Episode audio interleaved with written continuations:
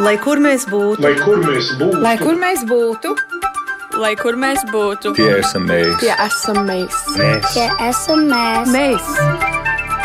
Tas ir par mums. Tas ir par mums. Tas ir par mums.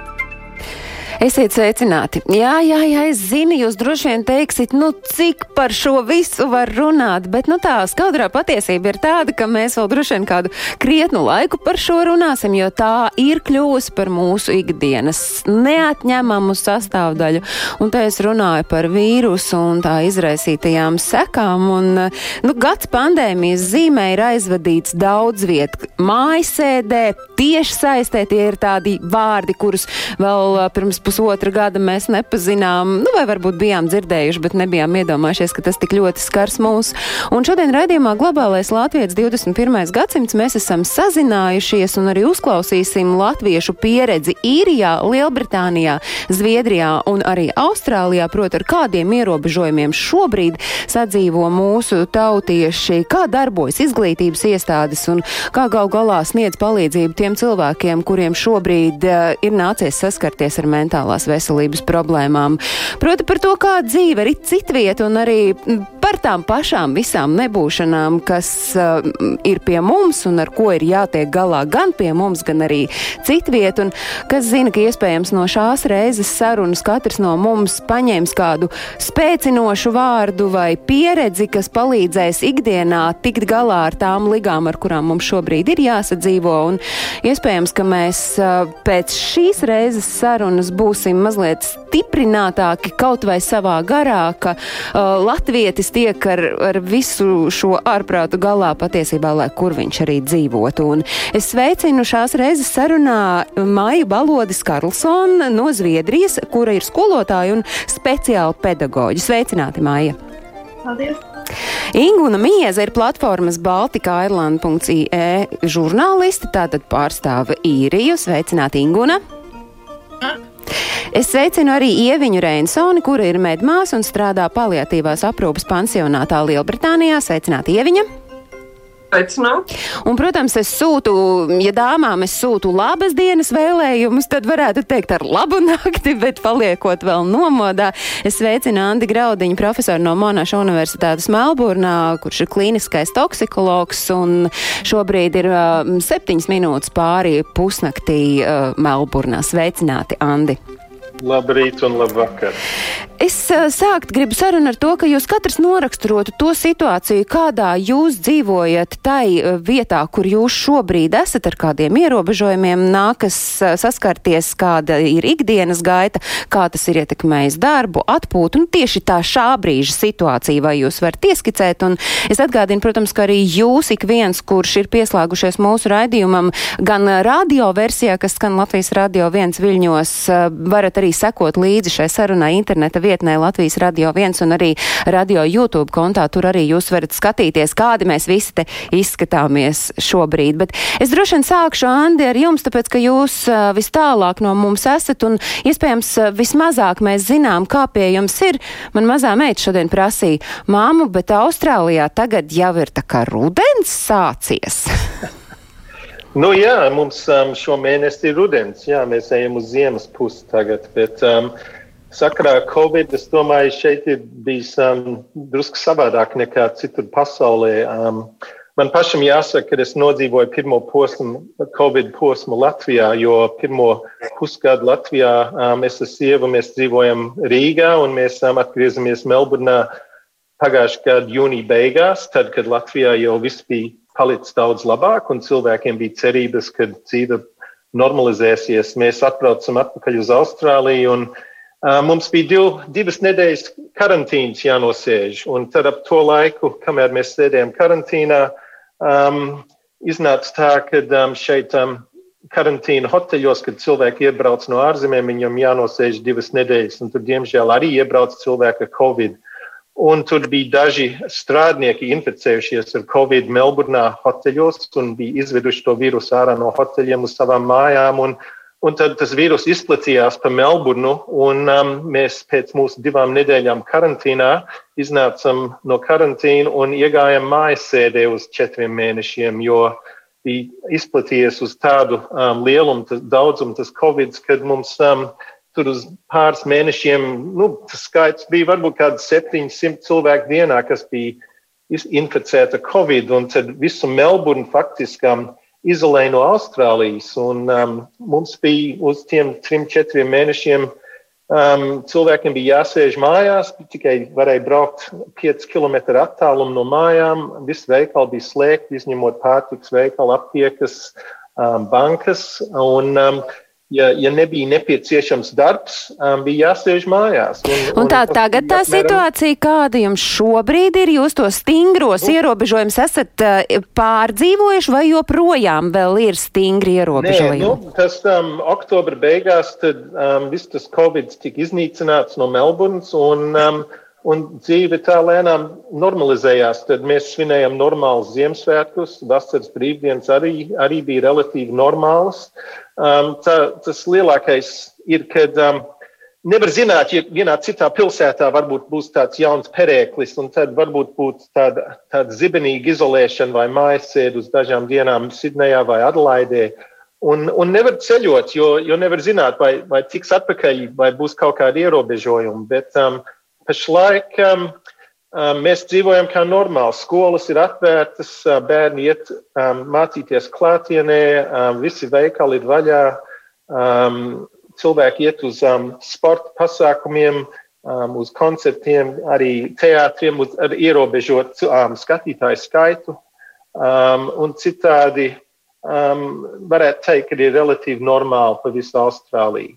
Un... Es mazliet vēlāk jums jautāšu par to, vai tas normāli tagad ir tas pats, kas normāli bija pirms, bet es gribu dzirdēt, piemēram, mm. Ieviņa, kāda ir jūsu ikdiena Lielbritānijā šobrīd? Nu, šobrīd Lielbritānijā vēl joprojām ir uh, nacionālais lockdown, saucamais. Uh, ar 8. martu bērni sāka iet skolā, bet atšķirībā no uh, man, piemēram, mana meitiņa visu laiku gāja skolā, jo es skaitos tā kā keyworkers, kā medmāsa. Ja. Uh, mana ikdiena principā uh, attiecībā uz darbu nebija nekādi ierobežojumi, jo es visu laiku tāpat braucu uz darbu, un arī mans vīrs brauc uz darbu un strādā tāpat. Bet Eh, protams, kad visi veikali eh, ir, ir slēgti, vaļā ir pār, principā tikai pārtiks veikali. Pie friziera var tikt tikai ar iepriekšēju pierakstu.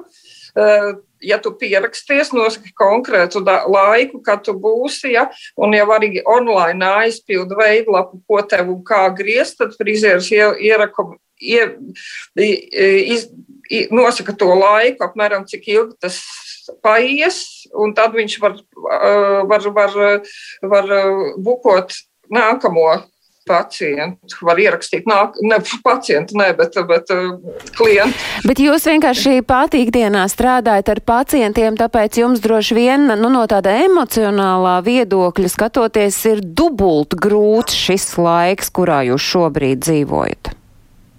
Nu, jā, tas bija uh, vairāk bija pirms Ziemassvētkiem, novembra mēnesī. Mums uh, no 45 pacientiem, kas mums uh, paliatīvajā aprūpē un uh, dzīves beigu aprūpē pansionātā ir trīs, bišķi vairāk kā 30 saslim ar Covid. Un, un uh, tajā skaitā arī es pati saslimu ar Covid. Un tad nu, bija tā, ka nu, daudz mēs balansējam uz tādas nāža asmens, jo, jo patiesībā paliatīvā aprūpe jau ir, jau, jau tā kā uz dzīves beigām iet, ja, bet tas pats, tas Covid ļoti daudziem to visu pātrināja. Un, nu, nomira, neteiksim, ka daudz mums aizgāja, bet, bet pieci vai septiņi pacienti bija pa to, kas, kas tieši kam Covid palīdzēja aiziet no šīs dzīves. Nu, un sakiet, tādā situācijā dzīvojot, jau tā ir e, ierobežojumu maksimums un vēl tā tas ikdienas fons, kas bija tas un kas joprojām ir tas, kas jums pašai ļauj emocionāli noturēties, es skatos diezgan smuki virs tā ūdens. Nu, man ir paveicies, jo es īrēju mājiņu, kurai ir dārzs. Ja, mēs ierīkojām dārzā tā kā tādus sporta aktivitātes, kur var veikt. Es pat lecu, lecu tajā batutā Un viss, ko mēs darījām, tad es kopā ar savu mazāko meitu, piecgadīgo, bišķi bija bail, ka es ar savu svaru neizkrītu caur tam batutam, bet mēs lecām ritīgi. Un, un taisni, taisni tas vairāk. Sākām spēlēt vairāk galda spēles mājās, ko līdz tam eh, nemaz tik daudz nedarījām, kā izrādās. Nu, un arī Dotajā brīdī mums it kā nav atļauts tas uh, braukt, gar, braukt garās pastaigās kaut kur, jo mums katram ir jābūt vēstulē, somā līdz priekš kām, kur mēs braucam, ar kādu mērķi mēs braucam. Uh, bet, nu, gadījās, ka mēs kādu reizi bišķi tā aizbraucam uz veikalu gar jūras krastu. Tādā veidā mērķis veikals, bet ar līkumu. Izmetat nu, eh, mazo līkumiņu, kas tā kā atveldzē cilvēkam gan prātu, gan arī domas droši vien izveidina. Inguna, kā ir savukārt eh, īrijā šobrīd tie ikdienas ierobežojumi un droši vien arī uzreiz mēs varam plūdeni pāriet pie tā, kāda ir tā, nu, tas, tas emocionālais fons tam visam. Jā, nu, pie mums ir gluži tāpat kā Lielbritānijā, arī pie mums ir nacionālais lockdown. Uh, Jūs esat laimīgākie Lielbritānijā, jo jūs tiekat pie friziera kaut ar pierakstu iepriekšēji, pie mums viss frizētājs ir slēgtas. Bizes. nu, jā, arī mums uh, skolas bija slēgtas uh, līdz 1. martam, uh, izņemot uh, bērnu aprūpas iestādes strādāja tikai priekš tā, tie saucamajiem keyworkeriem, ja viņu bērni varēja iet bērndārzā, pārējie visi dzīvoja mājās. Sāk iet skolā pamazām. Mums nav tā, ka atvēra visas skolas. Pirmajā vilnī tagad aizgāja divi jaunākie mm, vecumi sākuma skolā un vidusskolnieki, vidusskolas beidzēja pēdējais gads kas ir nu, arī mūsu, mūsu jaunākais dēls. Šogad beidz vidusskolu, un arī viņš tā kā aizgāju uz skolu, un, lai cik tas nebūtu dīvaini, parasti jau bērni vienmēr priecājas, kad viņiem ir jābūt mājās, bet viņš bija ārkārtīgi laimīgs par to, ka viņš aizgāja atpakaļ uz skolu. Jo emocionāli viņi nevarēja pieņemt mācīšanos um, Zoomā, online un tā tālāk. Kaut gan skola bija ļoti pretimnākoša. Vispār skolas šeit ir tādā ziņā ļoti pretimnākošas un, un, un, un sniedz visādu palīdzību, un tu vari zvanīt un, un lūgt uh, uh, asistentam vai skolotājiem kaut kādus padomus. Bet vienalga viņš, uh, viņš ļoti, ļoti pārdzīvoja to, ka nevar mācīties, un pie kam tas ir pēdējais gads. Uh, nu tā, esam mājās. Uh, 5 km no mājām drīkstam atrasties. Uz ceļiem ir ļoti daudz uh, policijas kontrolpunkti, kuri tiešām arī uh, kontrolē, uh, aptur mašīnas. Sevišķi, ja tur redz, ka vairāk cilvēku maš vienā mašīnā, privātajā, jautā, uz kurien brauc, kāpēc brauc. Uh, drīkst braukt, iepirkties, drīkst iet uz parku, kaut kādā veidā skriet vai pastaigāties, uh, bet tas faktiski arī ir viss. Uh, nu, mūsdienās tādā ziņā mēs, uh, mēs visu laiku strādājam mājās, es visu laiku strādāju no mājām, tā kā man būtiski nekas nemainījās, tikai pieauga darba apjoms mazliet. Uh, bet, protams, šis ilgstošais um, izolācijas laiks, nu, tomēr tā kā atstāja iespaidu uz, uz jebkuru cilvēku. Nu, jūs arī veicāt savā platformā aptauju, un nu, no kāds jūs, nu, tas sausais atlikums droši vien ir tas pats, kas jebkur, kur šobrīd uh, ir šādi vai tādi ierobežojumi, ir noguruši cilvēki, bet uh, jūs noskaidrojāt un vairāk tā kā ieskatījās tieši no kā? Un kur varbūt arī tad uh, cilvēki īrijā smeļ to spēku, redz ieviņu lēkā uz batuta? Eh, mēs, eh, nē, aptauja bija pilnīgi savs aptauja. Mēs gribējām no sākuma zināt, eh, vai cilvēkus tas patiešām mūsējos ietekmē. Tas atlikums ir tāds, ka 39% atbildēja, ka jā, tiešām viņu mentālo veselību šīs pandēmijas laiks ir ļoti ietekmējis.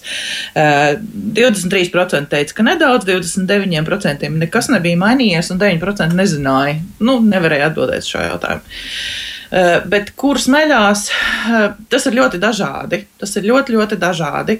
Es, piemēram, arī dziedu korī, un mēs te pirms raidījuma sarunā dzirdēju, Ants teica, ka viņš brauc uz mēģinājumiem. Es ar tādu baltu skaudību to klausījos, jo mums joprojām ne, mēs nedrīkstam tikties ne ar vienu. Maisaimniecība tikai paši drīkst savā, savā burbulī dzīvot, un līdz ar to mums oh. mēģinājumi notiek uh, zūmā, protams, attālināti. Uh, Tas ir viens tas veids, kādā veidā var teikt, ka cilvēki ir noguruši no zūmiem, un viņiem tas jau viss ir apnicis. Un tomēr, un tomēr šajā, šajos zūmos, šajā komunikācijā, nu, kaut daļēji cilvēki var kompensēt to, kas viņiem trūkst ikdienā. Tu vari, tu vari, es varu padziedāt, es varu satikties ar saviem kora biedriem, mēs varam parunāties par to, kas kuram notiek dzīvē, kādas pārmaiņas vai vēl kaut kas ko mēs citādi, nu, Protams, to var darīt arī pa telefonu, bet, bet tomēr šajā mazajā ekrāniņā kaut pret acu skatoties ir, ir, ir mazliet tāds, tā kā, nu, mazliet atvieglojums. Un jā, mums arī ir dārziņš.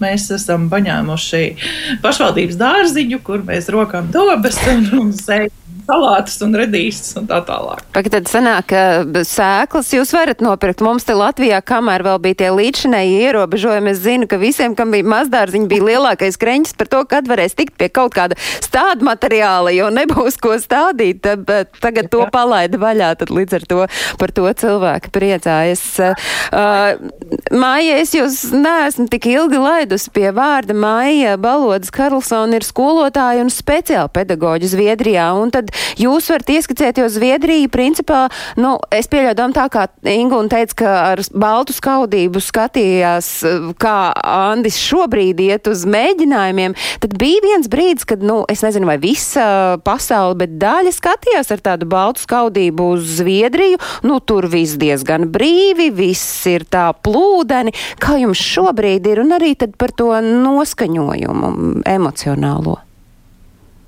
Jā, nu mums uh, valsts negrib uh, nekādus uh, likt kaut kādus ie, lielus ierobežojumus.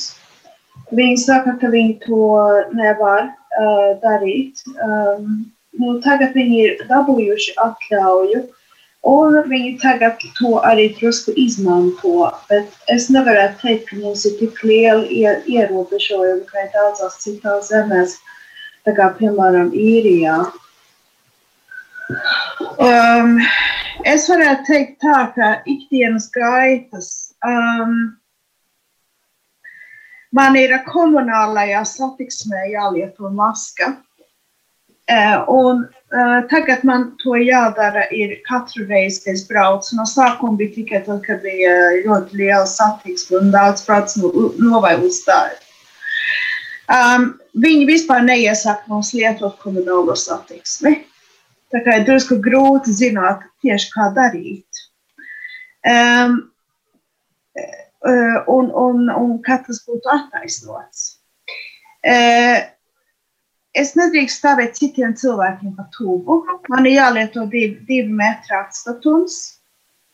Um, un uh, tikko es šjaucu degunu, cilvēki uz mani skatās, uh, kas ir kaut kas, ko es ļoti izjūtu. Um, jo tā ir tāda drusku dusmīga pieeja. Um, un, uh, piemēram, tagad viņi ir iesākuši arī restorānos. Uh, restorāni ir, ir jābūt uh, ciet, uh, jātaisa ciet agrāk un uh, nedrīkst palikt vairāk kā pusdienas astoņu līdz pusdienas astoņiem.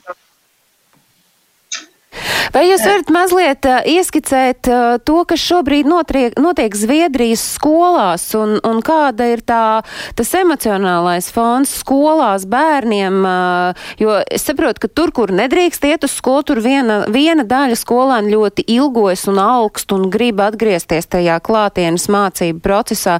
Zviedrijā šobrīd bērni iet uz skolu vai tomēr te arī var sākt diskutēt vecāki, piemēram, teiks, ka taisam labāk tās skolas ciet?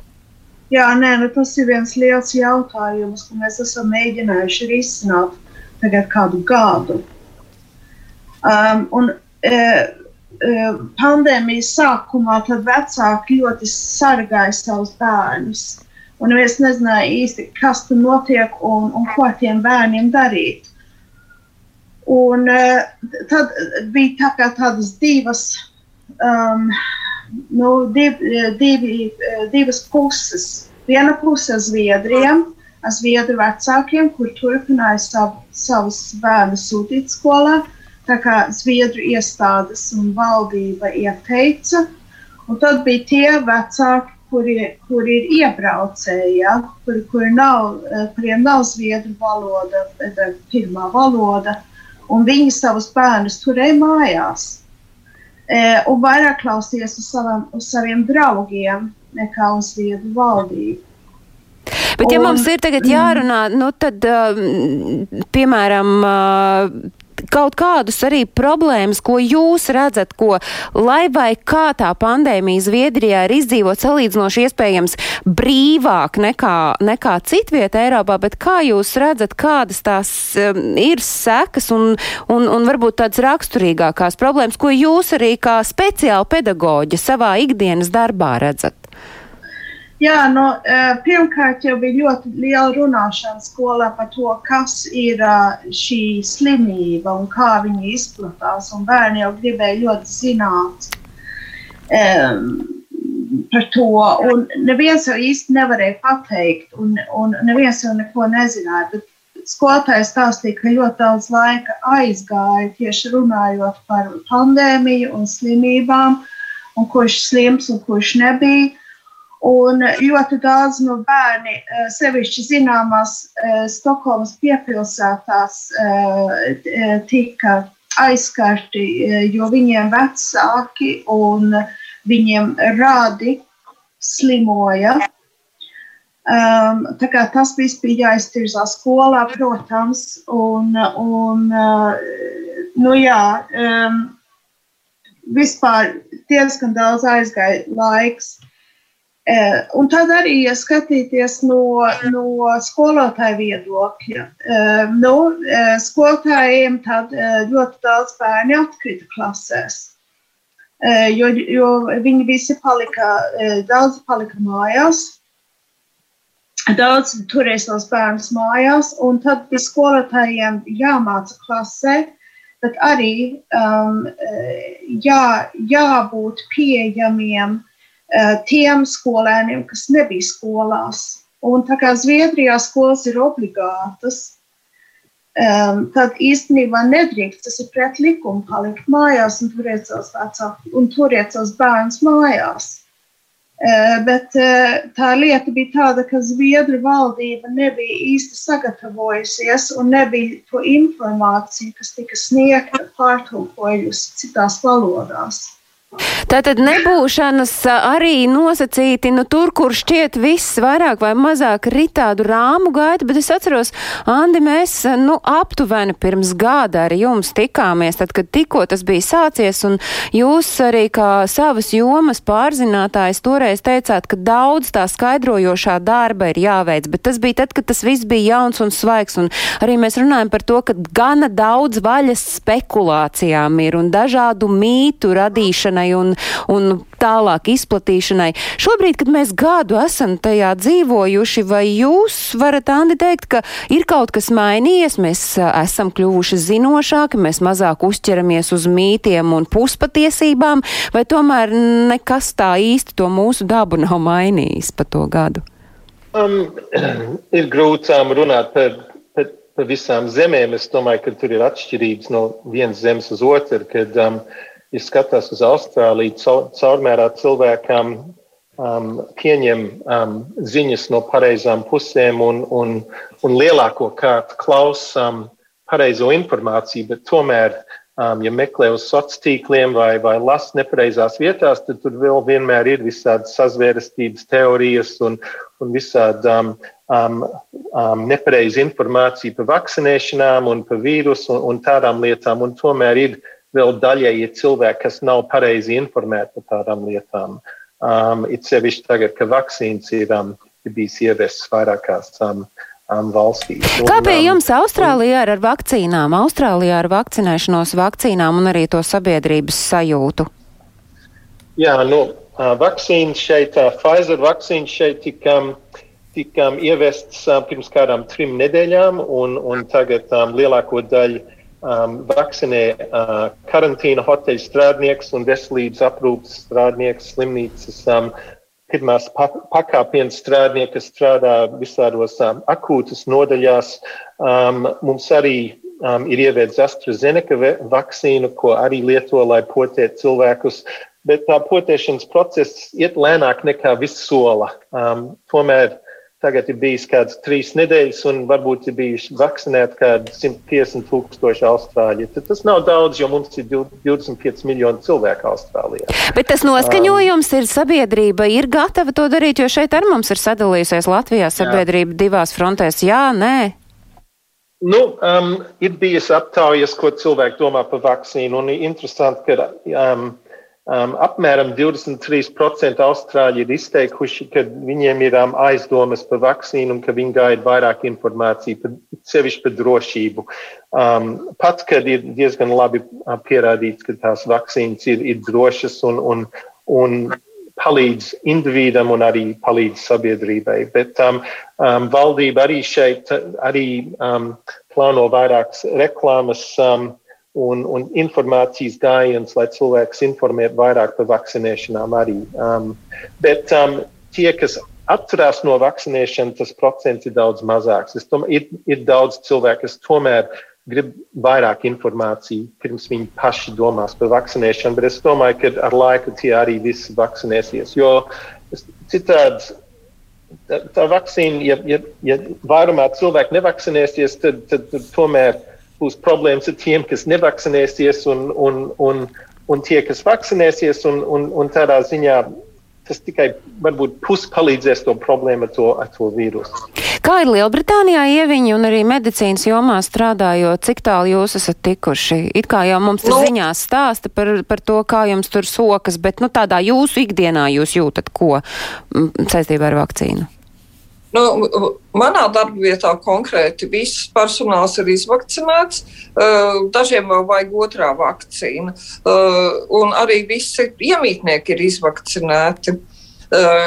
Bet arī Lielbritānijā pašlaik sāk vakcinēt arī, arī parastos cilvēkus. Mans vīrs, piemēram, saņēma vēstuli pagājušā nedēļā, ka viņam ir caur uh, internetu jāieiet uh, uh, government websaitā un jā, jā, pašam jāpiesakās uz vakcīnu.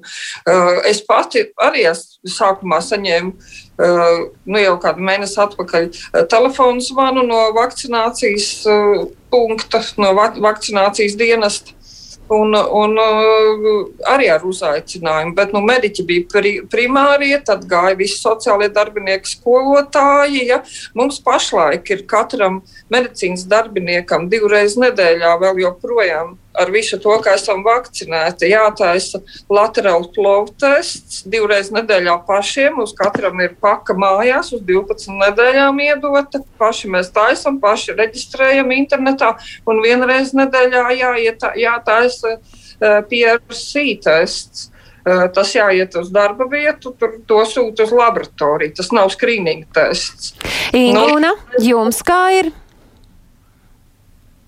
Um, ja es pareizi atceros, uh, uz doto brīdi ir apmēram 600 tūkstoši vakcīnu devu ir jau cilvēki saņēmuši.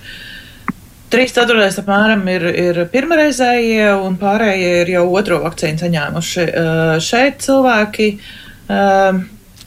Ša, arī šeit, protams, ir tās, tā, tie, tās divas nometnes, ja tā var teikt, eh, ka ir daļa, kuri ar nepacietību gaidīja eh, šo, šo vakcīnu, un, protams, arī, arī viņi ar nepacietību gaida, ja viņi nav eh, šajās primārajās grupās, jo šobrīd arī ir tiek vakcinēti pārsvarā mm, pansionāta darbinieki, medi, mm, medicīnas aprūpē strādājošie sociālie darbinieki, skolotāji. Tā kā parastie mirstīgie cilvēki, ja tā var teikt, eh, vēl gaida. Bet parastie viņiem... mirstīgie gaida ar tādu, ar tādu, ka kaut tas ātrāk notiktu, vai arī ir tā jums, nu, latviešu, piemēram, eh, Latviešu vidū ir ļoti populāras dažādas sazvērstības teorijas, eh, bet nevar arī, protams, tā, tā pateikt, ka visi tā domā. Nē, ir cilvēki, kuri ļoti saprātīgi pret šo attiecās. Personīgi man liekas, ka, ka es es esmu priecīga, ka es neesmu šajā primārajā grupā. Es labāk, varbūt labāk gribētu mazliet nogaidīt, kad, kad ir pilnīgāk um, izpētīts šīs vakcīnas un tā tālāk. Uh, bet par cik mēs ar vīru paši esam arī izslimojuši Covid, tad uh, šobrīd mums tas nav aktuāli. Ja? Tas varētu būt pēc kādiem mēnešiem, četriem, pieciem, varbūt aktuāli. Nu, un māja um, Zviedrija un vakcinēšanās un tas noskaņojums gan kopā sabiedrībā, gan arī latviešu sabiedrībā. Mm. Nu, mums tie latvieši te nav tik ļoti, ļoti daudzi. Uh, bet uh, es neesmu dzirdējusi, ka latvieši šeit negribētu potēties. Tādas ziņas es, es neesmu dzirdējusi. Mums atkal sāk ar vecajiem. Jā. Mums, ir, mums ir tie, kas ir visvecākie. Tas ir 80 plus. Un tad, tam, kad viņi būs visi vakcinēti, tad būs 70 gadnieki un tad būs 60 gadnieki. Tā mums pie mums dara saprotams, tie, kas strādā slimnīcās. Nu, tieši tāpat aplo. droši vien arī jums ir tās prioritārās grupas. Labi, ar vakcinēšanos mēs būtu tā, tik tālu tikuši skaidri, un gan jau, ka katrā valstī arī tur tā valdība rīkojas, un tā kā Andis sacīja, Austrālijā dara visu, lai izglītotu sabiedrību, bet es tomēr vēl joprojām mazliet atgriežoties atpakaļ pie tā, pie kā, mē, par ko mēs jau runājām, par to ne, nepieciešamo ārkārtīgi svarīgo atbalstu, īpaši arī gan ģimenes ģimenēm ar bērniem, gan arī jebkuram, kurš jūtas piekusis un noguris. Nu, grūtībā nonākušām ģimenēm Ingūna stāstīja, piemēram, Mīrijā tas atbalsts bērniem, skolas sniedz eh, milzīgu atbalstu, vai arī Zviedrijā, ja jūt, ka ir krīze tuvojas tāda uh, psiholoģiska ģimenē, ka ir atbalsta sistēma radīta? Nē, nu, mums jau uh, atbalsts ir liels, ko dabūt skolā. Um, tā kā mums ir kuratori, piemēram, kas strādā ar, ar uh, psihiskiem jautājumiem vai vairāk bērniem, kuriem vajag palīdzību, piemēram, kuriem nav uh, tās drošības mājās, um, kas, kas ir pieņēmami, kas būtu pieņemamas. Ja? Um, ko, kopā ar, eh, ar vecākiem un tā tālāk. To jau mēs vienmēr uh, darām skolā un atbalstam vecākus tādā ziņā. Uh, un šeit arī valdība ir ļoti pretojusies taisīt skolas ciet, vai neslēgt skolas. Mēs, mums visu laiku skolotājiem ir jāiet un jāstrādā un, un, un jācenšas, vai nebūt, kā mēs kādreiz sakām, barikādēs. Jo mums, mums ir tas, tā, tā atbildība, vai ne, tāda izglītot, un mēs to nedrīkstam, mums tas nav, nav bijis iespējams to, tā kā maziem bērniem, mēs nedrīkstam taisīt ciet iespējas iet uz skolu vai slēgt tās. Vecākie bērni, 7, 8, 9 klasē, tagad vai, ne, vai paliek mājās, tas ir atšķirīgi, kā skolas to atrisina. Dažas skolas ir ciet kādu, kādu laiku, tad tā taisa vaļā. Cit, citām skolām ir, citas skolas ir vaļā katru otro dienu. Nu, tātad tos risinājumus meklē tieši tāpat, kā tas pie mums Latvijā, nu, tā kā taustās, jo visa pasaule jau patiesībā mēs uh, mēģinām saprast, kas ir tas, kādā situācijā mēs šobrīd dzīvojam. Mums ir neliels video stāsts no Londonas, no Motslī hospitālī strādājošās bērnu un pusauģu psihiatrijas rezidentes Karīnas Beinartes, kura raksta tā, ka pagājušajā nedēļā, kā jūs arī ieskicējāt, uh, skolas uh, atvēra visiem bērniem un kas paredzami rezultējies ar paškaitējumu un pašnāvību domu mēģinājumu skaita pieaugumu un visi šie pacienti, ko uh, Karīna saka, ir konsultējuši pagājušo nedēļu, ir minējuši uztraukumu par skolu kā iemeslu bezcerības un bezpalīdzības sajūtai. Katram citā aspektā vienam tas ir uztraukums par atzīmēm un iekavēto, citam sociālā trauksme, varbūt par to, ka ir jāatgriežas atpakaļ skolā un tā atgriešanās tieši nozīmē strauju trauksmes pastiprināšanos. Tāda ir Karīnas rakstiski atsūtītā pieredze, bet tagad mēs klausāmies, ko viņa stāsta pati. Tātad droši vien svarīgi ir sākt ar to, kāds psiholoģiskais atbalsts bija pieejams skolām pirms pandēmijas. 2017. gadā valdība nolēma sākt piešķirt arvien vairāk naudu tieši psiholoģiskā pakalpojuma pieejamībai skolās, lai palielinātu, lai atvieglotu šī pakalpojuma pieejamību. Un šī lēmuma ietvaros tika nolēmts ne tikai pamazām piešķirt ar vien vairāk naudu, bet arī apmācīt ar vien vairāk darba spēku, lai būtu kas, kas tiešām sniedz šo, lai būtu kas var konsultēt skolās un atbalstīt skolēnus. Bet realitātē tā, nu, 2017. bija, kad sāka izdeva projektu, tad 2020. sākās pandēmija līdz tam laikam. Tā realitāte vēl aizvien bija diezgan nevienlīdzīga. Tā tad var, var būt tā, ka viena līmeņa valsts skolā ir pieejams viens vai divi psihologi uz visu skolu. Uh, un turpat netālu tāda paša līmeņa skola, bet ar varbūt nedaudz izdarīgāku vadību vai uzņēmīgākiem vecākiem, kas norganizējuši, teiksim, ir vecāku labdarības organizācija, kas vāc naudu no skolas atbalstam. Un, un tādās skolās dažkārt var, ir pat pieejama psihologa komanda kas ļoti atvieglo skolēniem šī, šī psihologa atbalsta pieejamību. Un, kad sākās Covid, jāsaka, ka no personīgā viedokļa, gan arī skatoties uz lielu aptauju rezultātiem, ir skaidrs, ka šis laiks atstās ļoti lielu iespaidu uz, uz uh, mūsu bērniem un pusauģiem. Un tās galvenās lietas, kas, ko gan es dzirdu, gan arī lasu aptaujās, ir tas, ka jaunieši saka, ka viņi jūtas vientuļi, ka viņi jūtas trauksmaināki, depresīvāki, stresaināki, ka viņiem ir pilnīgi izjaukts viss ritms. Un arī ļoti uztraucās par sekmēm, par to, ka ir iekavējuši un, un kā viņi atgūs, kā viņi atgūs iekavēto. Un, lai, lai tiešām sniegtu atbalstu arī tiem, kam tas visvairāk nepieciešams, valdība pirmām kārtām, ko viņi izdarīja šeit Lielbritānijā, bija tas, ka um, tad, kad visas skolas bija ciet, um, tad um, skolas vēl aizvien bija vaļā, bet viņas bija vaļā tiem, uh, kas ir tā saucamie key workers, angliski, uh, kas ir. Uh, ārsti, policisti, visi tie darbinieki, kuriem tieši kas, kas nodrošina valsts kā, to darbību, lai viss funkcionētu. Bet papildus šiem bērniņiem skola bija pieejama bērniem, kuri ir ciešā sociālo dienestu uzraudzībā, tiem bērniņiem, kuriem jau bija emocionālas, psiholoģiskas problēmas pirms tam, kuriem vajadzīgas mācību palīdzības ar mācībām, tātad tie mācību traucējumi tad uh, arī bērniņiem, kuriem ir hroniski slimi vai invalīdi vecāki, uh, kuriem ir grūtības atbalstīt uh, mājmācību. Un, un šie bērni varēja iet skolu un uz skolu arī tad, kad uh, visiem pārējiem skola nebija pieejama. Un, manuprāt, tam bija ļoti liela nozīme arī. To mēs redzējām, kad arī ka skolām tika dota gan liela brīvība arī izlemt, kuri bērni, tad, kuri bērni kuriem bērniem ir vajadzīga šāda palīdzība. Ah, tad samērā nesen, kas noticis, ir kāda attīstība, ir, ka valdība piešķīra vienu miljardu atbalstu skolām, lai palīdz, kas domāts tiem, tiem skolāniem, kur ļoti, ļoti iekavējuši, lai viņi var noķert tos, kas nav tik ļoti iekavējuši mācībās.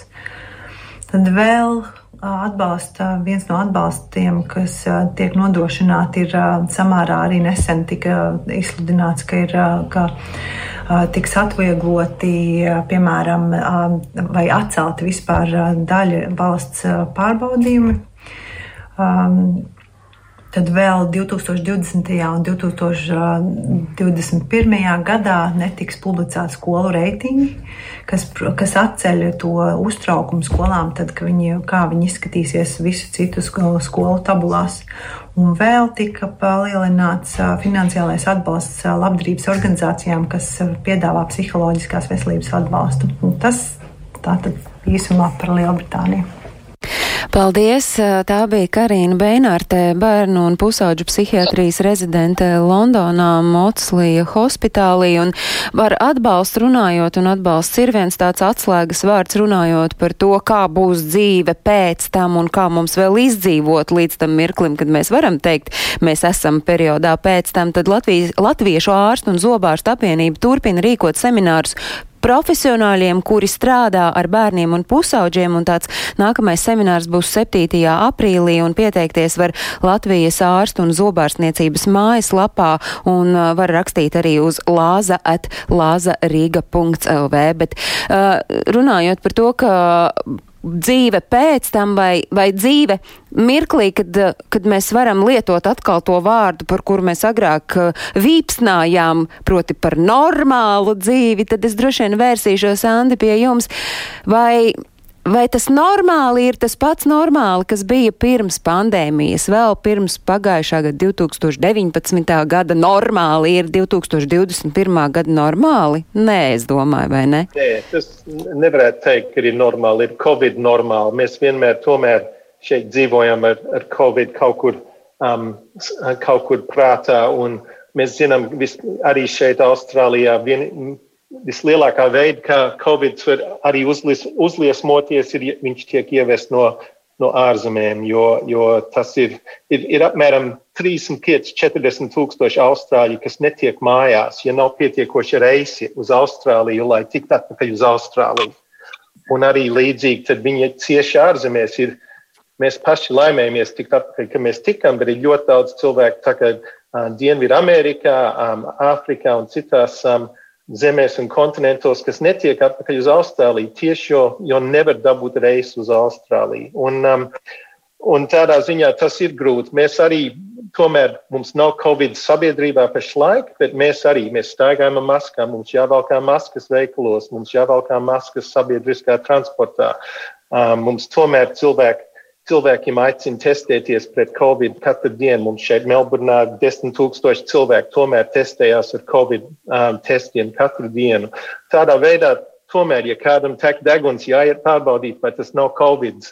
Um, mēs vēl tomēr meklējam. Nav tā, ka mēs esam teikuši, ka, ka tas neeksistē. Mēs vēl meklējam un meklējam to nākamo perēkli un mēģinam to apstādināt, pirms tas var izplatīties. Tādā veidā tās lietas nemainās. Un, um, un arī bija milzīgi ekonomiskas, ekonomiskas sekas šeit, Austrālijā arī. Ar turismu un vairākām, um, vairākiem pasākumiem ļoti cietuši ekonomiski. Um, mums turisti nebrauc uz Austrāliju, nelaižu ārzemnieks Austrālijā. Tad um, Austrālija paļaujas ļoti uz turismu kā lielu um, ekonomisko um, stimulāciju šeit cilvēkiem un biznesiem, tad tas arī nav normāli. Un mums studenti no ārzemēm brauc uz Austrāliju uz augstāko izglītību, un, un ārzemju studenti netiek šeit tāpat, jo viņi nav um, pilsoņi, nelaiž cilvēkus iekšā, kas nav pilsoņi pašlaik. Tad tas arī ierobežo normālo dzīvi. Tad ir milzīgas sekas. Pat, ka mēs dzīvojam relatīvi normāli. Um, tur ir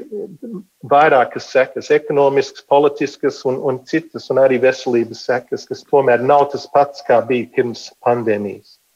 Paldies! Es šai brīdī tomēr lieku punktu mūsu šās reizes sarunai, bet es uh, tā pilnīgi jūtu, ka mēs vēl kādu reizi vai šādā vai citādā kompānijā satiksimies. Uh, izturību jums, mani šodienas attālinātie ciemiņi, dzīvojot gan pilnīgos ierobežojumu apstākļos, gan Covid normālajā periodā. Un Protams, arī izturība mums visiem šeit Latvijā, un skaidrs, ka šis ir laiks, ko mēs varam tikai droši vien kopā pārdzīvot, un šoreiz tā saruna apliecina to, ka mēs esam viens otru kaut varbūt nedaudz stiprinājuši tajā sajūtā, ka mēs neesam vieni šajā laivā iemesti.